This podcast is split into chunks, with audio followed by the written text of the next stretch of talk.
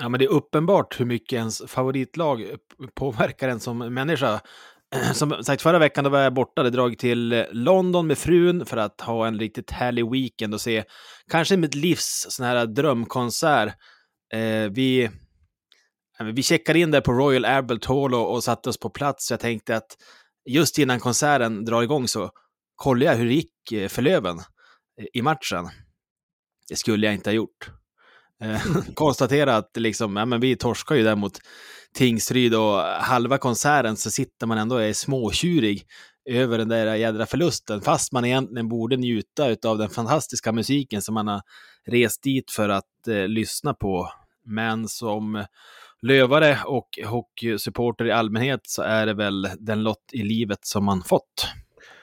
Ja, det är ändå ganska otroligt att ett eh, lag från Småland, en liten jävla skitställe, ska sätta käppar i hjulet så man blir lite förbannad när man är i stora London och gör något roligt. Men så är väl hockey, va?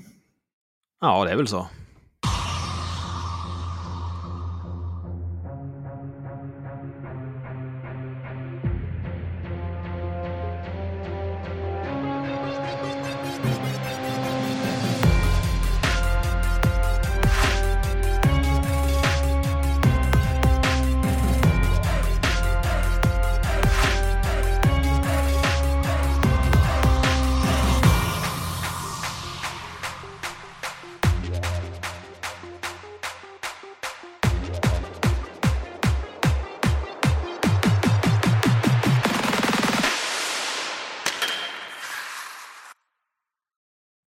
Yes, vi är åter och eh, det börjar nalkas mot jul, julveckan och det känns ju faktiskt ganska skönt ska jag ärligt säga. Jag tycker de man pratar med också, det känns som att många vill, eh, vill vara lite lediga. Nu är det ju inte alla som är lediga för att det är jul, men många är det i alla fall. Känner du samma sak, Emanuel? Eh, ja, det ska ju bli superhärligt. Ehm, jag tänker att speciellt vi som håller på ett lag där det går lite tyngre just nu så, så är den här skulle vi nu lyckas knipa en seger mot Östersund här på måndagskvällen så skulle man ändå kunna gå in i julen med lite lättare sinne och eh, för mig är alltid matchen innan jul det är lite av årets viktigaste match. För vinner man den, då får man en skön känsla över julhelgen som är ganska lång. Förlorar man den, då ska man ju som gå och tjura hela vägen fram till mellandagarna. Det känns alldeles för länge.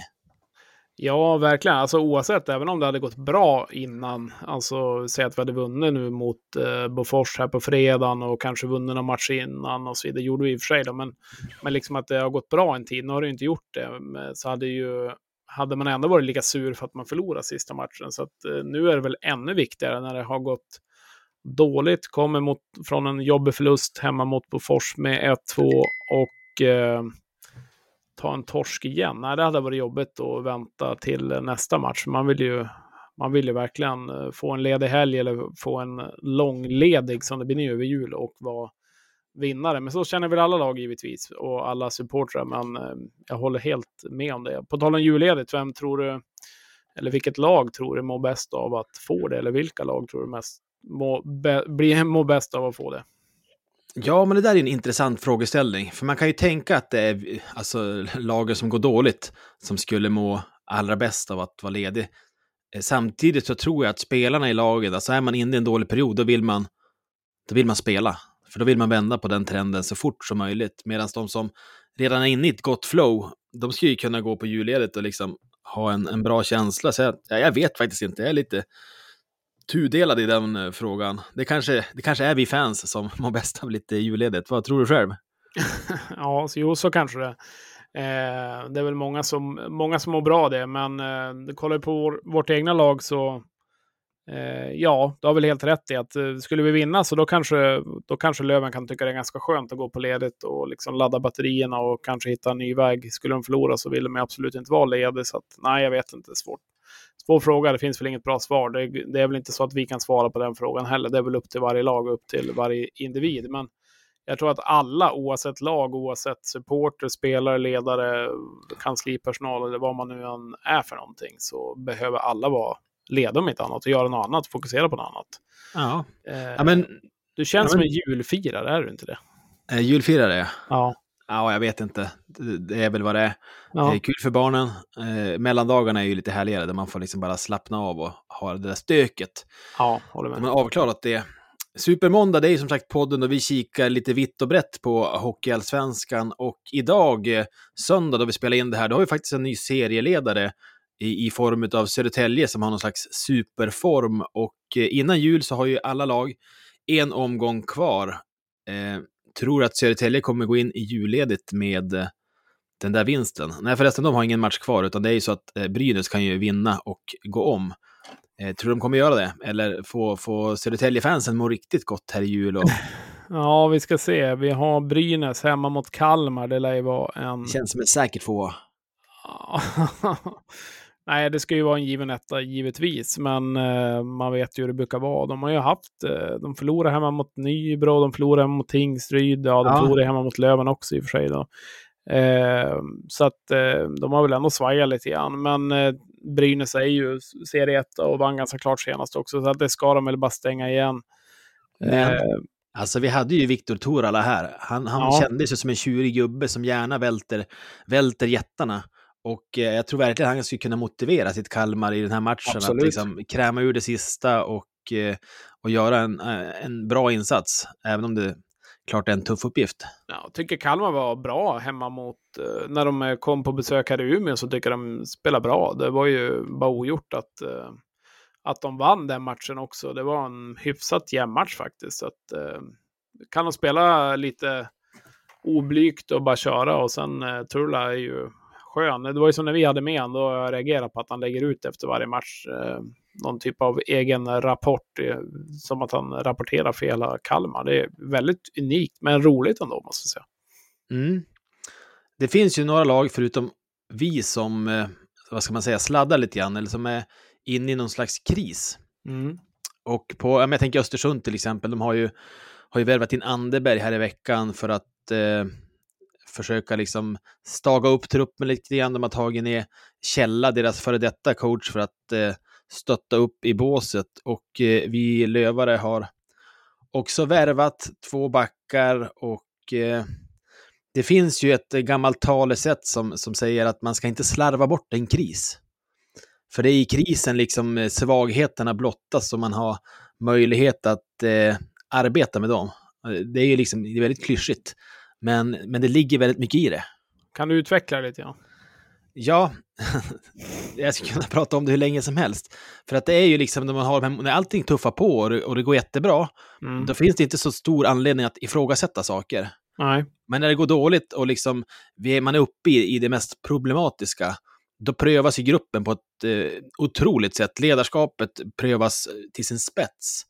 Och eh, kan man i det tillfället zooma ut lite grann och se på situationen och liksom analysera eh, punkterna som brister, så är jag helt övertygad om att man kan gå stärkta ur det. För att då har man, då har man blottat sina svagheter och tillsammans som grupp och som ledare åtgärdat dem. Så därför ska man inte slarva bort den här perioden som är i nu. För att eh, man kan hämta otroligt mycket ur den om det blir på ett bra sätt. Gör man inte det på ett bra sätt, ja, men då, är det, då är risken att konflikten eskalerar eller att krisen blir ännu djupare. Och eh, ja, men därför är det som sagt, vi ska inte slarva bort det här, utan är man i, i, i kris så ta tillvara på det på allra bästa sätt. Det är ett, tungt jobb att göra, mycket jobb att göra, många samtal som ska hållas och många stenar som ska vändas på, men, men det kan komma något oerhört konstruktivt ur det. Ja, nej men eh, lite att inse vart man är och försöka ta sig ur det. Så är det ju. Och det kanske är det som är bra då med en julledighet. Att, eh, dels så kanske det inte blir lika mycket ledighet utan man får passa på att eh, vässa sina mm, huvuden ihop och vara ännu mer noga med video, ännu mer noga med viss träning också. Det är klart att alla ska få sin julledighet, men det är lättare som eh, serie 1 eller liksom som har gått bra på slutet och njuta mer av den där julskinkan när det väl, väl kommer. Men det, det blir spännande att se efter årsskiftet. Det är ju en vansinnigt eh, spännande tabell. Liksom, och, och liksom var Djurgården sexa, 44 poäng. Mora femma, 45. Löven fyra, 45. AIK 46 på tredje plats. Andra plats Brynäs 50 och Södertälje 50. Eh, det skiljer liksom sex poäng från sjätte till första plats. Visst, det är matcher som är mindre spelade och mer spelare och hit och dit, men och lagen också. Södertälje, Brynäs, AIK, Löven, Mora, Djurgården. Det är ju... Ja, det är sjukt roligt att det är de lagen som är där uppe och, och tampas. Eh, för det här borgar ju för ett, eh, ett oerhört eh, skrällbenäget slutspel, så att säga. Ja, ja, verkligen. Alltså, det är ju, säg att det typ skulle vara Södertälje mot Löven till exempel, kan ju gå exakt hur som helst. Brynäs-Djurgården kan ju gå verkligen hur som helst. Eh, Man skulle kunna få se AIK och Djurgården mot varandra i slutspel. Det hade ju varit sjukt häftigt. Ja, nej det är... Eh, och jag menar Västerås som sladdar som man kanske tycker var det, jag menar Södertälje skulle få Västerås. Det brukar vara ganska jämna matcher. Det är inget som säger att det skulle bli en enkel resa. Så ja, men sladdar, att... jag menar, tar de en vinst, då ligger de en poäng bakom oss. så att ja. säga. Ja, alltså, de har en alltså, det, är ju, det är ju det är, det är ju tajt. Det är det ju. Alltså 10 poäng från Västerås till eh, första plats. Jag menar, tar du två, tre, tre poängare på liksom några matcher så så kommer det, det kommer hända mycket för de lagen nu som är duktiga på att plocka tre poängar. Och det ser man ju på Björklöven som inte har varit duktiga på att plocka tre poängar att de blir ju omsprungna. Ah, ja. eh, så att det har ju verkligen gett effekt. Sen kanske lite tur också i det hela, att det är inget lag som har verkligen stuckit iväg så där heller, utan det är fortfarande ganska jämnt. Ja, vi var inne på det för något avsnitt sen, att alltså, poängsnittet i ligan är ju extremt lågt i år. Det är ju inget lag som snittar över två poäng per match, och det är ju anmärkningsvärt. Och det säger ju någonting om tabellen.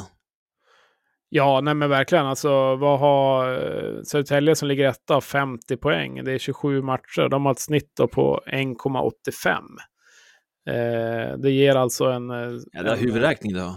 Ja, men det är ja, miniräknare i alla fall. Men det ger i alla fall en slut, eh, slutsumma på 96 poäng. Jag menar, det är jättelite som etta. Eh, så att eh, det Antingen ja, det... att serien är jättebra, jättejämn eller liksom att det, ja, det är något lag som inte är tillräckligt bra helt enkelt. Så kan det vara. Eh... Och det är väl kanske veckans gäst vi ska reda ut det med. Ja, men jag tänker det. Vi får väl slå till, signal till någon som kan lite mer om sånt här än vad vi gör. Ja, jag tycker vi gör det. Vi ringer upp veckans gäst som, eh, som har koll på det här och då kan vi ställa lite de frågorna. Eh, lite om poängen som är utdelad just nu och eh, hur han ser på situationen i ligan just nu. Ja, inte är det Ingegärd inte. Ja, vem fan är du då?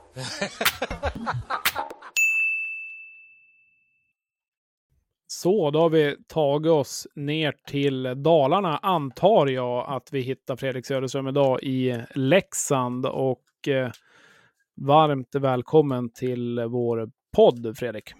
Tack så mycket för det, grabbar. Ja, men du, vi har ju kommit nu nästan halvvägs i den här serien och eh, vi tänkte ta lite snack med dig för att eh, stämma av läget lite grann. Hur du ser på inledningen av den här säsongen och hur eh, lagen har placerat sig och sådär. Mm. Om, man, om, man, om man kikar nu hur långt vi har kommit, har det, har det blivit ungefär som du tänkte dig i, i början av säsongen, eller?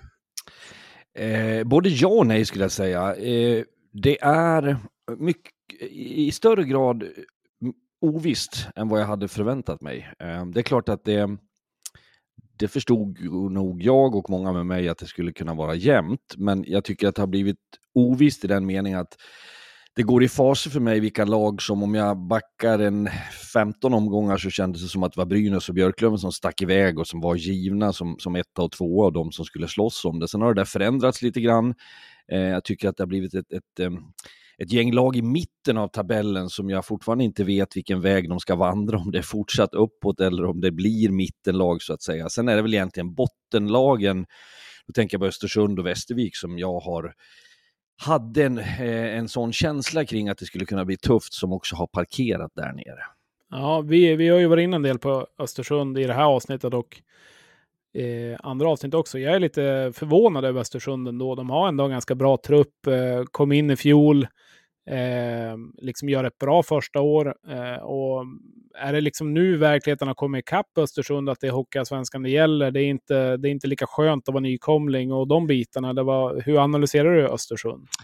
Jag skulle tro att det ligger en hel del i att det är det här eh, man pratar om andra års problematiken. Det första året man kommer upp så är det ren inspiration, man får en skjuts på så många sätt, inte bara sportsligt utan också publik och så som sluter upp. Sen kommer år två, men jag tyckte också, och håller med om att truppen är bättre än vad de är placerade. Eh, och jag tycker inte att man har på långa vägar maximerat det materialet. Jag tycker det finns många som är hyggliga hockeyallsvenska spelare, till och med ganska bra, som, som är väldigt gråa och anonyma och som man har hamnat i, ett, i en besvärlighet. Man valde att eh, göra den här interna rokaden, att man plockar tillbaks Kjell-Åke Andersson som är en en, en eh, legendar i klubben. Att man använder honom har jag full förståelse för, men det blir på något sätt eh, inget nytt.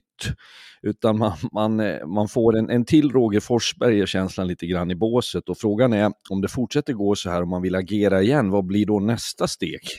Så att jag, jag tycker man har målat in sig lite grann i ett hörn och jag, jag skulle vara bekymrad om jag var mm, östersundare. Mm.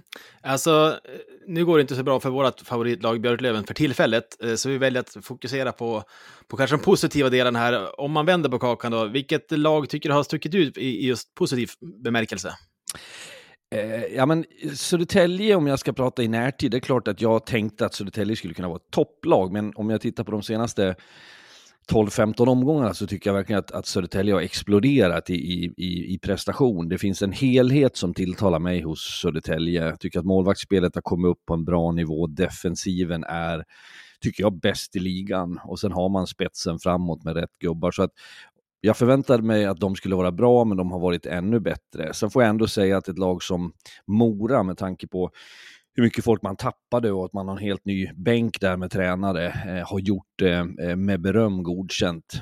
Och sen är det väl såklart, eh, det går inte att undgå att Nybro och Kalmar fortfarande är med och, och jäklas. Alltså det, det, det måste jag säga är eh, övertygande på mig. Ja, eh, om man stannar vid Södertälje lite grann där så, som du säger, defensiven har ju varit riktigt bra och de kanske inte började så där vansinnigt, men de har växt in under hela säsongen. Är det, är det ganska eh, vad ska man säga, det är inte så förvånande på ett sätt att defensiven är bra, men som, som Bogren också vid, vid roret som ändå kommer från en, får man nu kalla, tråkhockey då, om man vill säga så. Men, men eh, att han ändå sätter det, och det är klart, du brukar ju börja bakifrån och då blir det bra, men eh, de, eh, på det sättet är det inte så förvånande, men vad är det som har gjort att han har fått till defensiven så bra tycker du? Men egentligen redan förra året så var ju det det som stack ut med Södertälje för mig. Det var att man spelade en, en väldigt samlad eh, hockey som var alltså defensiven först. Och det var det man, man, då ska man också ha i åtanke att året före det så var det ju enorm kris i Södertälje och det var ju på vippen att man höll sig kvar. Så att steget till att någonstans repa mod som föregående säsong eh, var ju, tycker jag, helt rätt att prioritera defensiven. Och jag vet att det fanns tränare, utan att nämna några i ligan, som jag pratade med när de skulle möta Södertälje, som suckade lite grann och, och sa att det är svårt att spela mot Södertälje för det är så tajt och det är en mindre rolig hockey. Men jag tror ju för Södertäljes fans så tycker man att det är ganska kul att gå på hockey när man vinner matcher, för det är i slutändan det som, som är rätt. Och jag hade förväntningar att den här säsongen skulle byggas vidare på det och addera lite. Sen ska jag ändå säga att första 10-12 matcherna för Södertälje så var det svagt, men att det snarare kom ifrån vad jag tror att Viktor Stråle syftar på ibland när han pratar om eh, Björklöven och, och situationerna som uppstår där, att man man kan ställa till det i spelet med puck som blir en, en tydlig belastning i defensiven, att det där hänger ihop. Eh, och det har Södertälje löst. Jag tycker man spelar förståndigare, man är noggrannare med puck, man har bättre värderingar och eh, prioriteringar i spelet. Så att när det då funkar, defensiven, så man inte släpper till så mycket, så har man dessutom då Marcus Eriksson och Linus Widell och jag tycker att Alba och ett gäng till, Filip Engsund, har liksom tagit rygg på det där. Plus att man har ett enormt självförtroende. Så det där, hela paketet där är ju intressant hos Södertälje. Mm. Ja, det, det är bara att instämma. Det känns lite skrämmande som Löven-supporter att, eh, att höra att de är på banan så pass, eh, när vi även har Brynäs där uppe. Brynäs som gör sin första säsong i Hockeyallsvenskan. Hur imponerad är du av deras säsongstart? Ja, jag kanske inte är imponerad eh, och jag ska inte leka märkvärdig och använda andra ord, utan mer med tanke på den truppen som Brynäs har och den absolut tydliga och uttalade målsättningar att ta sig tillbaks så, så begär man också mycket. Eh, därför har jag ibland varit kritisk och tyckt att det har funnits svagheter, men jag måste ändå säga att i sin helhet så tycker jag att Brynäs har har övertygat och, och visat sin kvalitet och skicklighet och att det snarare är en potential Eh, kvar att på något sätt få ordning och kalibrera på vissa delar, special team till exempel, eller att vara mer 60 minuter-aktiga i sin prestation. Men när Brynäs sätter ner foten, då tycker jag att man är ett absolut topplag och då får man ändå säga att de har, har lyckats så långt. Ja, för när man kollar nu på, på serien efter ungefär 27 omgångar, det är lite olika vad lagen har spelat, så är det ju ett rekordlågt poängsnitt om man ser till lagen i toppen. Vad säger det om ligan? Är den sämre än någonsin? Är den jämnare än någonsin? Eller vad beror det här på? Ja, men, eh, bara i närtid här så har jag hört eh, av kollegor och um, tränare, sportchefer i ligan i olika möten, alltså sammanhang där vi har sprungit på varandra, så jag har hört båda tankarna, det vill säga att det skulle vara ett sämre år. Men eh, de flesta som jag pratar med säger ändå att det är bättre, men att det också är jämnare mellan lagen. Och, och, för att beskriva det från mitt håll så skulle jag säga så här att om det drog igång en kvartsfinalserie imorgon så tror jag att det skulle bli ett eller ett par rejäla fall från de förväntade topplagen, för det har på något sätt krympt distansen mellan de förväntade topplagen och de här andra som på något sätt har, har fått skjuts. Och det är ju jättekittlande för oss, för mig och för er och för alla som, som liksom följer det. Jag förstår att det är plågsamt som supporter, eh, men och för spelare, och ledare tror jag att det skapar en ovisshet och en stress som också påverkar liksom, nivån på det vi håller på med. Så att ja, jag är benägen att säga att den, jag tycker kanske inte att den är sämre, men den är, har en annan struktur den här säsongen, ligan. Det känns som att det var länge sedan det var så många lag som har möjlighet att gå upp. Uh, jag menar, de ja. som prickar formen inför slutspelet kommer ju ha en jättechans.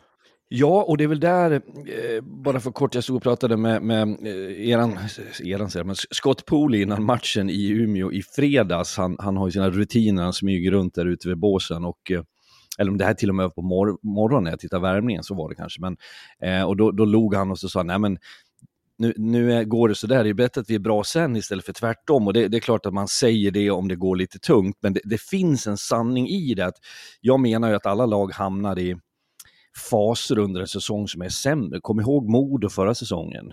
Eh, han hade plockat på sig så mycket poäng och sen var det när man rekryterade in lite nytt som det, det, var, man gick poänglösa och omvärlden försökte på något sätt säga att ni har problem, det här kommer bli ett helvete, ni kommer aldrig att greja det. Jag tyckte att Modo är ett praktexempel på hur man sköter det där som grupp och lag och klubb betraktad. Även om det säkert var lite mer stökigt än vad, vad vi alla runt omkring känner till. Så att kan man förvalta sina besvärligheter så tittar man ut lite bättre. Det är egentligen min poäng. Ja, Eh, om vi ändå ska ta Björklöven nu. Eh, alltså vi har ju grävt ner oss ganska ordentligt de senaste, grävt ner oss ganska ordentligt de senaste veckorna här och ser, känner väl ingen hopp inför för julen. Eh, ska vi göra det eller finns det någon möjlighet för oss att eh, få ett lyckligt 2024? Vet ni vad grabbar, jag, jag, jag ska skänka er tröst. Eh, men eh, jag ska också säga att det är klart att den här långa eh, perioden, eh, ni har säkert exakta siffror, men jag skulle säga att det rör sig om är det 11 matcher, 12, eh, som har varit ganska stökig tid. Eh, den är för lång. Eh, och jag tycker att delar av problematiken som jag ser i spelet, det här att man är eh, Låt mig bara ge ett exempel. Innan vi skulle sätta igång här så passade jag på att titta efter en eh, ledig helg här på, på de här underliggande siffrorna. Matchen som var Björklöven-Karlskoga. För blotta ögat, jag var ju på plats, stod i den här båsen, så kändes det som att det var ett bombardemang de första 40 minuterna. Att det var bara ett lag på isen, Karlskoga skulle försvara sig. Men när jag tittar på de här skapade chanserna, om man pratar eh, A, B och C-chanser, så har, bara som ett exempel, Björklöven har fyra A-chanser i den här matchen. Eh, Karlskoga har sju. Eh, och då kan man räkna in och powerplay och så vidare, absolut. Men det som för ögat ibland ser ut som att man kör och att det är väldigt bra, är inte alltid så eh, som, som, som det ser ut. Alltså, ska inte du trösta oss nu? Jo, jag kommer till trösten. Jag kommer till trösten. Först, eh, först Ja, eh, skär jag lite, Kan du sen bara plåstrar jag. förtydliga, Fredrik, för de som lyssnar, bara lite med Ja. A och B-chanser och så. Ja, men det ska vi göra. A, alltså det är egentligen A, det är de mest kvalificerade chanserna där man skulle kunna säga att det borde bli mål. Eh, B är lite sämre och C skulle jag säga är ganska sköna avslut utifrån. Och dit vill jag komma och säga att jag tycker att Björklöven besitter en offensiv spets som är om inte etta så åtminstone tvåa i ligan. Det är konkurrens med Brynäs. Eh, men jag tycker att man har gått från att ha en, en explosiv, rak hockey där man har drivit på kassen, man har haft snabba avslut liksom på, på intuition. Det har blivit utsidehockey. Man vrider och vänder, man är på ytor där motståndarna tillåter en att vara. Och när man är på de ytorna så tappar man också puckar, vilket leder till nästa minus. Eh, hav tröst pojkar, jag kommer komma till det positiva. Att Björklöven har siffror som säger att man tappar folk högt upp i banan. Man har väldigt många odd man rushes against, alltså eh, numerära 2 mot 1, 3 mot 2, 4 mot 3. Sådana situationer, vilket gör att man blir sårbar defensivt. Jag tror att det här går att åtgärda, för jag har sett Björklöven göra det förut och spela med den skickligheten. Så att eh, med det sagt, det som är negativt, så är det punkter som jag tror är möjliga att skruva på. Dock krävs det en insikt hos spelarna att det här gäller inte någon annan, det här gäller också mig. För så får jag känslan lite med Löven just nu, att det är många som åker runt och väntar på att någon annan ska ha blåstället, någon annan ska jobba klart det fysiska spelet, medan jag ska förvalta min sköna skicklighet. Eh, så det kanske låter som att det är mer minus än plus, men vi har sett Löven den här säsongen vara så pass bra. Jag tycker att hade jag varit Viktor Stråle så hade jag tvingat grabbarna till omklädningsrummet, bjudit på popcorn och sen hade jag tittat på Brynäs Björklöven 0-2. Och när den är slut så skulle jag fråga om det är någon som vill ha mer popcorn, så slår jag på den där matchen en gång till. För där finns ett klockrent exempel på hur man ska spela. Ja, vi har varit inne på den matchen ganska ofta. Nu kanske Löven har tur att de vinner den matchen. Eller tur och tur, men jag tycker Brynäs är bra. Men sista matchen här mot Karlskoga, lite som du är inne på, det var ganska tydliga vissa situationer. Jag tror eh, Malte Sjögren kom helt fri i mitten, liksom. väljer att gå rakt ut till vänster. Eh, Weigel har superläge. Han skjuter ju aldrig i och för sig, men passar. Eh, så typiskt, är det typiskt självförtroende-grejer bara, Ja. eller liksom, Ja, men är det spelmässigt fel? Ja, men om vi börjar med självförtroende så tror jag absolut att det är så. Jag är van att se, eh, hela känslan i, mot Karlskoga var, det var lite sämre med folk, eh, säkert julbordstider och pyssel och det var busväder emellanåt. Eh, så det kan jag väl förstå på ett sätt, men det, det ger också en känsla hos spelarna att nu börjar de att tycka att det är lite kris. Sen är det många som går utan poäng, många spelare som förut har varit raka i ryggen, som har haft pondus, som nu ser väldigt små ut. Eh, och det där är läskigt när man är en del av laget och ser när det går åt det hållet. Och det är inget som Stråle och kompani går runt och delar ut självförtroende, utan man, jag trodde kanske att matchen mot Södertälje, som jag inte sett i sin helhet men stora delar av, att den skulle vara en liten tillbakavändning. Men det jag tror skedde var att man kommer hem, så möter man Karlskoga, man möter ett lag som man ska slå, men som man rent statistiskt hade förlorat sju av de åtta senaste när pucken släpptes. Nu är det åtta av nio. Så det fanns ju några spöken som tittade fram, visade sig på allvar. Och i kombination med de här spelmässiga sakerna som jag pratar om, så hamnar man i det läget att man förlorar den matchen. Men jag ska också säga att hade det kommit 1-0, 2-0 i den matchen till Björklöven, så hade den fått ett helt annat slut. Ja, så det är inte helt hopplöst, utan... Eh, Jag, jag, jag förstår frustrationen och jag kan förstå oron som finns hos supportrar. Men eh, mitt jobb är också att försöka ge hopp åt folk och, och, faktiskt förklara att det finns saker där bakom. Det är sällan så illa som det ser ut. Eh, man kan få det intrycket och det är heller aldrig så bra som det verkar, utan sanningen ligger någonstans mitt emellan. Men du, lite avslutningsvis här. Hockeyallsvenskan, det är ju en liga där man ofta får charmas av nya spelare som kommer till ligan och sen tar nya kliv. Ser du någon spelare som har kommit in den här säsongen som har, som har charmat lite extra? Pratar du eh, generellt över hela ligan?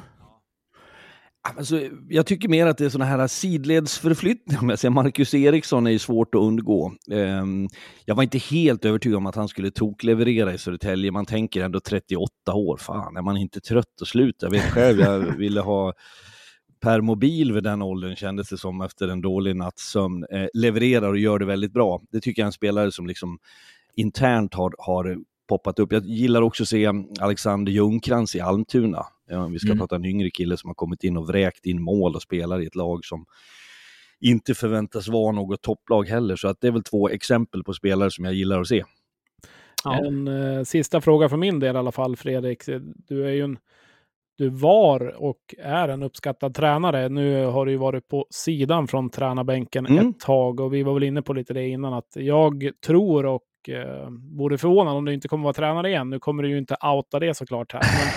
Är, är dörren stängd eller hur ser det på framtiden rent för egen huvudtränardel? Ja, nej, alltså det där går i vågor ska jag vara jätteärlig och säga. Det finns stunder när jag känner att det här är ju ett optimalt sätt att leva nära hockeyn. Jag, jag får en viss distans, jag kan se lite annat djup i det och jag behöver inte ha den där känslan av att det äter på mig. Men jag ska också säga att jag vaknar ganska många morgnar och känner att jag saknar det. För det, det är en puls, det är en gemenskap, det är ett, ett driv i en grupp och runt ett lag som jag inte får såklart på samma sätt. Så att jag utesluter ingenting, eh, men jag jagar ingenting aktivt. Och jag, jag tänker dock så här att skulle jag ta ett lag igen så tror jag att jag skulle vara en bättre tränare, för jag har fått klivit ur bubblan lite grann och, och vidgat mig lite. Så att eh, vi får se vad det där tar vägen, men eh, för stunden och tillfället så trivs jag utomordentligt med TV4 och det gänget.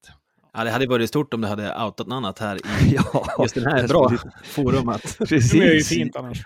Ge er den bomben bara. Ja, exakt. Ja. Ja, precis. Ja, men du, det nalkas ju jul här. Eh, hur firar man jul i det Söderströmska hemmet? Och, eh, Ja, men vi, vi, eh, det är ganska traditionellt. Jag, jag är ingen stor eh, eh, sån här fanatiker av jul, men jag tycker att det ska vara tillsammans med familj. Vi, vi är en i grunden stor familj med syskon och syskonungar och eh, vi är många, så vi är många som umgås tillsammans. Det äts i mängder, det skrattas, det tjuras säkert över någon felaktig julklapp och lite sånt. Men framförallt så är det en fråga om att umgås under kort tid och eh, får jag ett par dagar där med intensivt julfirande så vill jag sen tillbaks till hockeyn igen. Så att, eh, ett bra avbrott, men jag ser fram emot eh, fortsättningen där i mellandagarna och framåt. På. Ja, nej men eh, tack för att du gästade Fredrik. Jag hoppas du gärna gör det igen och eh, jag önskar dig och eh, din familj en god jul. Tack och detsamma grabbar. god jul! God jul!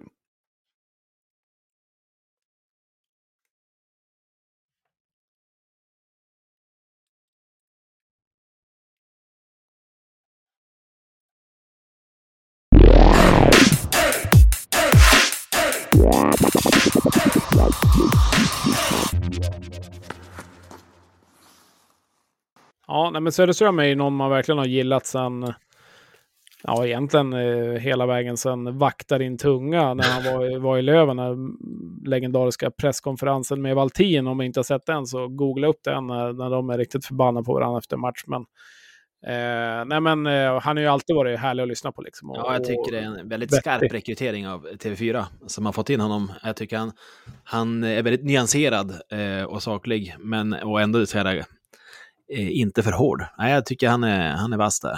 Ja, det, är, det är frågan hur länge han kommer vara expert. Jag tror inte så länge till, utan det blir nog kanske något tränaruppdrag att det kommer klia i fingrarna. Han är ju inte lastgammal, så att vi får väl se helt enkelt vad som händer. Någon annan som inte heller är lastgammal som nyss fyllde år är ju vår, eh, eh, vår samarbetspartner Facit Bar, så att jag tycker vi kikar in hur de har det.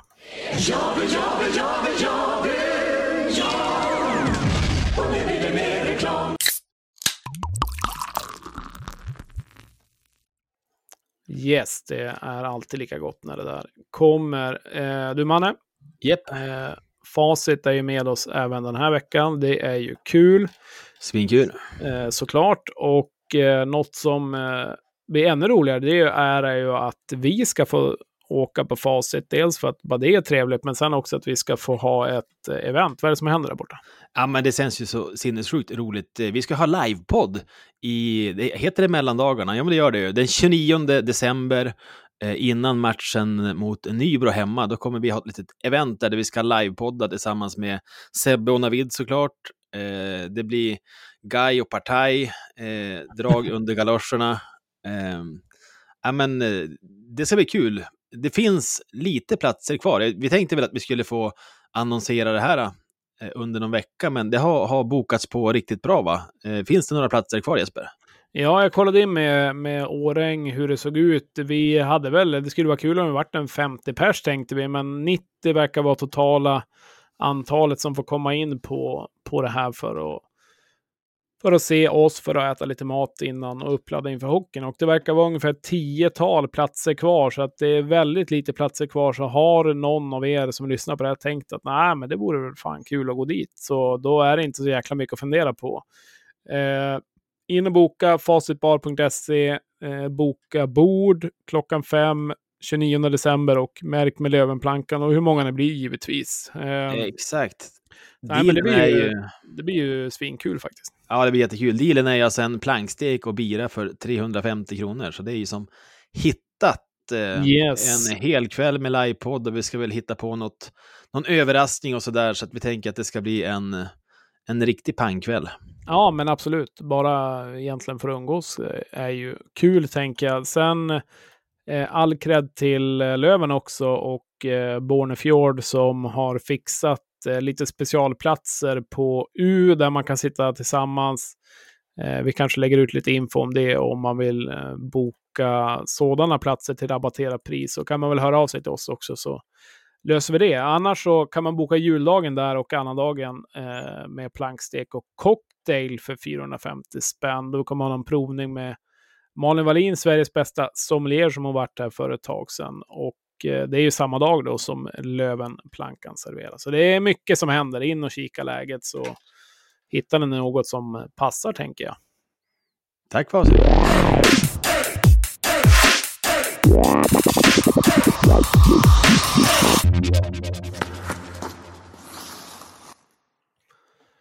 Yes, vi rullar framåt i avsnittet. Vi kan väl nämna det också eh, så här mitt i avsnittet. Nu, nu släpper vi det här den 18 december. Det är ju veckan innan jul.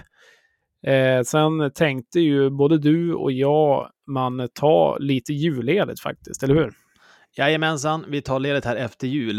Eh, Men innan dess så är det ju full fart. På onsdag är det ju vanliga onsdagsavsnittet, Radio 1970 som vanligt. Och på fredag, då släpper vi en uppesittarkväll i samarbete med den andra hockeyallsvenska supporterpodcasten som heter Sarg ut. Eh, så det blir lite specialavsnitt med mängder av eh, prominenta gäster och eh, vi tänker att det ska bli en, en, ett kul inslag här inför jul. Ja, precis. Nej, det blir ju det blir spännande. Vi ska jobba lite vidare med det här ikväll efter podden, så att det blir, det blir en sen natt, Manne. Ja, men det, så blir det. Eh, Men som sagt, efter fredag då tar vi lite kompledigt eh, över juldagarna och är tillbaka 2024. Ja, vi har inte ens kollat med Navid-chefen, men vi, vi bestämde det själv. Eh, nej, men så det blir bra. Då laddar vi upp allihopa också och njuter av eh, annat här eh, en stund i, i livet. Då. Så det blir, det blir kanon, tänker jag. Ta inte han riktigt än, utan känn lugnet.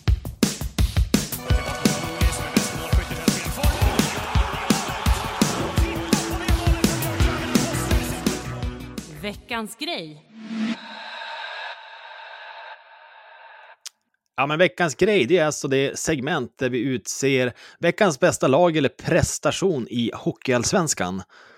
Ehm, när ens egen, alltså för min del, när Löven går dåligt så har jag så sjukt svårt att leta positiva saker. Så att eh, jag har fått gräva lite djupt eh, den här veckan. Så jag kan lämna över till dig om du vill börja Jesper. Ja, nej, men det är väl lite så med, med ens egna, när en egna klubb går dåligt eller sådär, något runt omkring, ja då har man ju, då blir man ju kanske lite bitter också och jag har svårt att tänka lite grann på så mycket som är bra. Men eh, ja, jag skulle väl vilja lyfta fram ett lag. Jag tror jag lyfte fram dem i fjol, eller förra veckan också, jag kommer knappt ihåg, men eh, är man ny serieetta och eh, kanske inte har varit så här suverän de senaste åren egentligen, gått lite tungt, så tycker jag ju att Södertälje SK ska, ska få hyllas lite grann för det. De, trots en tung förlust mot, eh, mot Löven hemma, där eh, de gjorde ett väldigt bra ryck i tredje, så ja, jag är imponerad. Jag, jag trodde att de skulle vara bra i år, eh, men jag trodde inte de egentligen skulle vara så här bra, så här långt in på säsongen. Det är ju ett lag som bara växt och växt och växt. Det är lite otäckt också att de, eh, de blir bara bättre och bättre. Så att, eh, Eh, till alla Södertälje-fans är det bara att gratulera. Det är kul att ha ett lag i toppen. Så att, eh, vi har ju varit lite bortskämda med det de senaste åren, men de har haft lite kräft, kräftgång, så att, eh, det tycker jag är värt, eh, värt en applåd faktiskt. Ja, men det- kan vi nämna, speciellt då de var så pass artiga att, eh, att förlora mot oss också. Så då kan man ju nämna dem lite positiva ordalag. Ja, men de har ju varit i ropet i veckan, både för att de har spelat bra eh, över lång tid, men de hade ju också otroligt läckert retroställ där i matchen mot eh, Löven, Ja, som jag tycker man ska nämna. Eh, ett klassiskt ställ från, det var någon gång på 80-talet, va, som det där var i ropet. Och eh, kan inte begripa varför de inte använder den där loggan istället för det här S som de har på tröjorna i, i vanliga fall, för de, det där är mycket snyggare. Ja, absolut. Jag håller med dig. Det finns väl vissa sådana lag som man tänker att varför... Till exempel Modo Hockey, eh, som inte nu är i samma serie, tycker jag också borde byta tillbaka till sin gamla logga som jag tycker är stilig. Men det är kanske vi som är gammal och inte tänker för mycket nytänk, eller vad tror du man? Eh, ja, så kanske det är. Jag tycker också det, det var ju lite dumt av Södertälje att eh, ha retrotröjorna mot Löven. När de liksom ska ha så snygga, snygga tröjor så är det ändå bara de näst snyggaste på isen. Eh, Ja. Osmart. Ja, precis. Nej, man är ju partisk, men jag tycker faktiskt Löven har, har riktigt snygga tröjor. Det är bara reklamen man hade blivit, velat bli av med. Men kollar man igenom också tabell, eh, eller vet du det, Eh, skytteligan så har du ändå Marcus Eriksson ohotad etta just nu. Du har Videll som man tycker har gjort det sådär, men han börjar ändå smyga upp på en fjärde plats. Eh, Emil Alben nionde plats. Eh, Daniel Norbe faktiskt på en trettonde plats. Så att de har ganska mycket som representerar där. Skulle man dra någon liknelse har vi Powell på andra plats eh, Kilke på en sjunde och sen är det inte lika mycket Löven då. Så att eh, de, eh, de plockar lite poäng här och där också. Då kan man ju dra en annan liknelse mot till exempel Karlskoga. Jag hörde de drog det i Ringside-podden och det var ju Ja, det fanns inte en Karlskoga-spelare så långt eh, ögat når. Det var typ Kokkonen på en 60 plats liksom. Så att, eh, det gäller att man har gubbar som levererar och eh, det handlar om att göra mål i ishockey. Det är ganska förvånande va? Ja. Eh, jag ska också vilja slänga in en, en grej i det här segmentet, för att Det eh, det kan ju också vara en prestation som verkligen har stuckit ut. Mm. Och eh, Djurgården, de har ju inte torskat en match eh, sen de bytte till tränaren eh, Honken här. Tills Nej. ikväll, då Västervik av alla lag besegrar Djurgården med, med 4-2. Eh, Västervik som verkligen har det tufft i botten av tabellen drar iväg det till en 3-0-ledning och, och lyckas, som jag sa, eh, vinna matchen med 4-2. Otroligt imponerande. Djurgårdens magi är bruten och eh, ja, det ska ju bli spännande att se vart det tar, tar vägen för dem. Så att Ja. även om, om jag tycker att det kanske är Södertälje som ska få den här veckans grej eh, med tanke på att de knep serieledningen och har haft en så kraftfullt bra period bakom sig, så sticker ändå Västerviks prestation i just den matchen ut.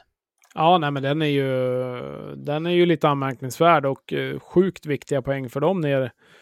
Alltså, hade de torskat den, då hade de varit på 22 och det hade varit 8 poäng upp till Karlskoga. 8 poäng, det bara var ganska mycket. Nu är det bara 6, i och för sig 7 då, med sämre målskillnad. Så att, eh, de är ju tvungna, de måste ju, de måste ju ha alla poäng in som, eh, som går. Och jag förstår inte att Karlskoga kan vara så långt ner. Nu vann de ju mot Löven, men tycker väl inte de var vansinnigt bra, men de spelade en smart ishockey i alla fall. Så att, eh, jag känner ändå att Västervik och Östersund kommer vara de två lagen som kanske får kvala framåt våren, men eh, det är ju kul om det är lite action där nere också, för att det är väl mest toppen man kikar på. Så är det ju. Så är det. Ja, men ska vi Eh. säga grattis till Tälje då? Ja, jag tycker det. Grattis, Telge.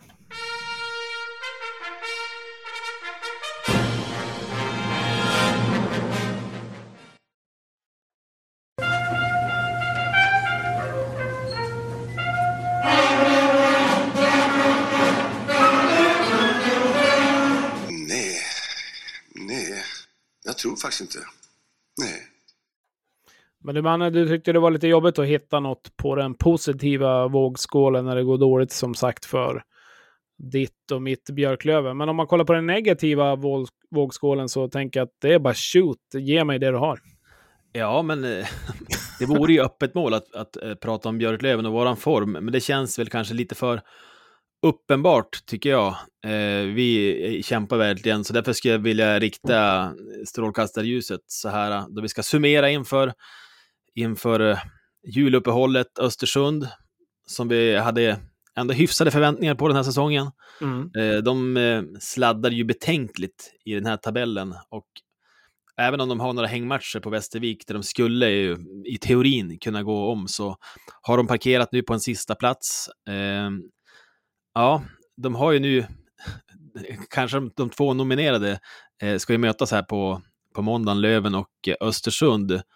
Eh, de kanske två formsvagaste lagen och eh, det ska bli väldigt intressant att se hur båda de här lagen hanterar den sitsen. För att även om Björklöven är i skriande behov av poäng så är ju Östersund kanske i ännu större behov.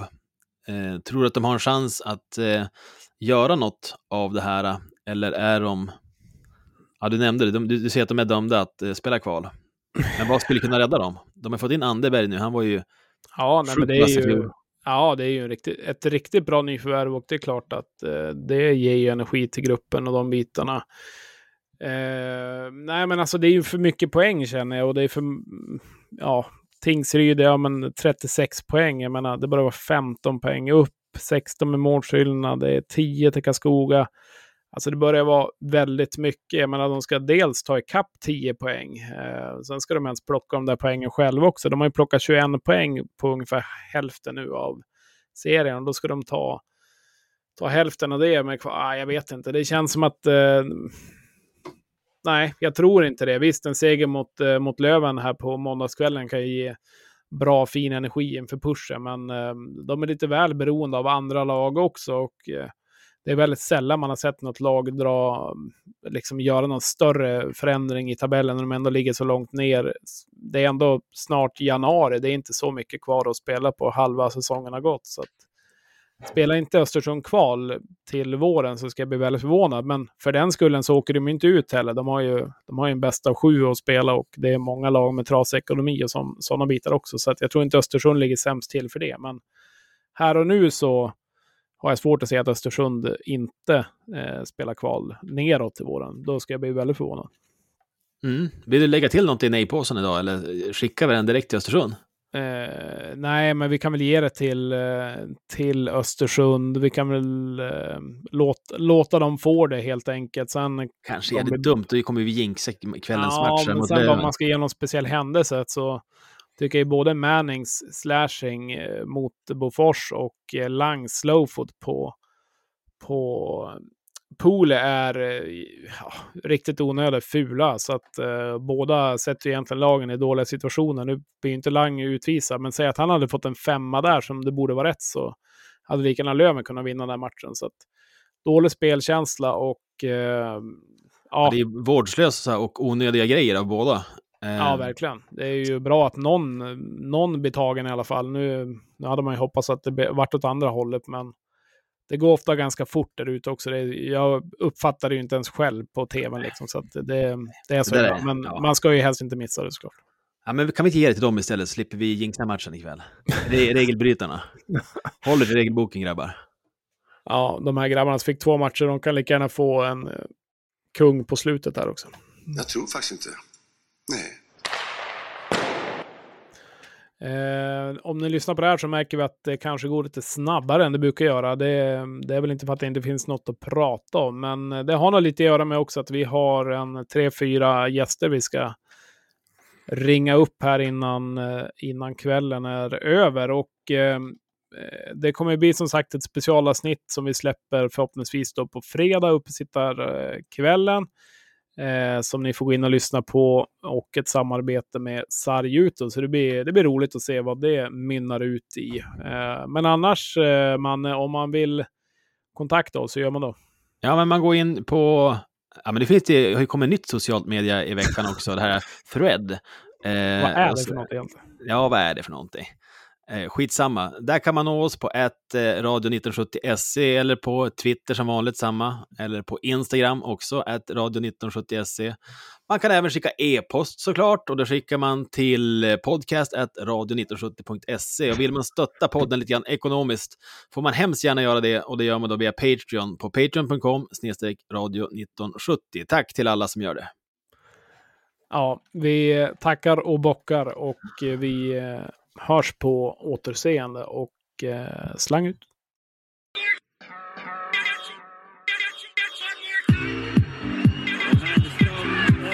Thank.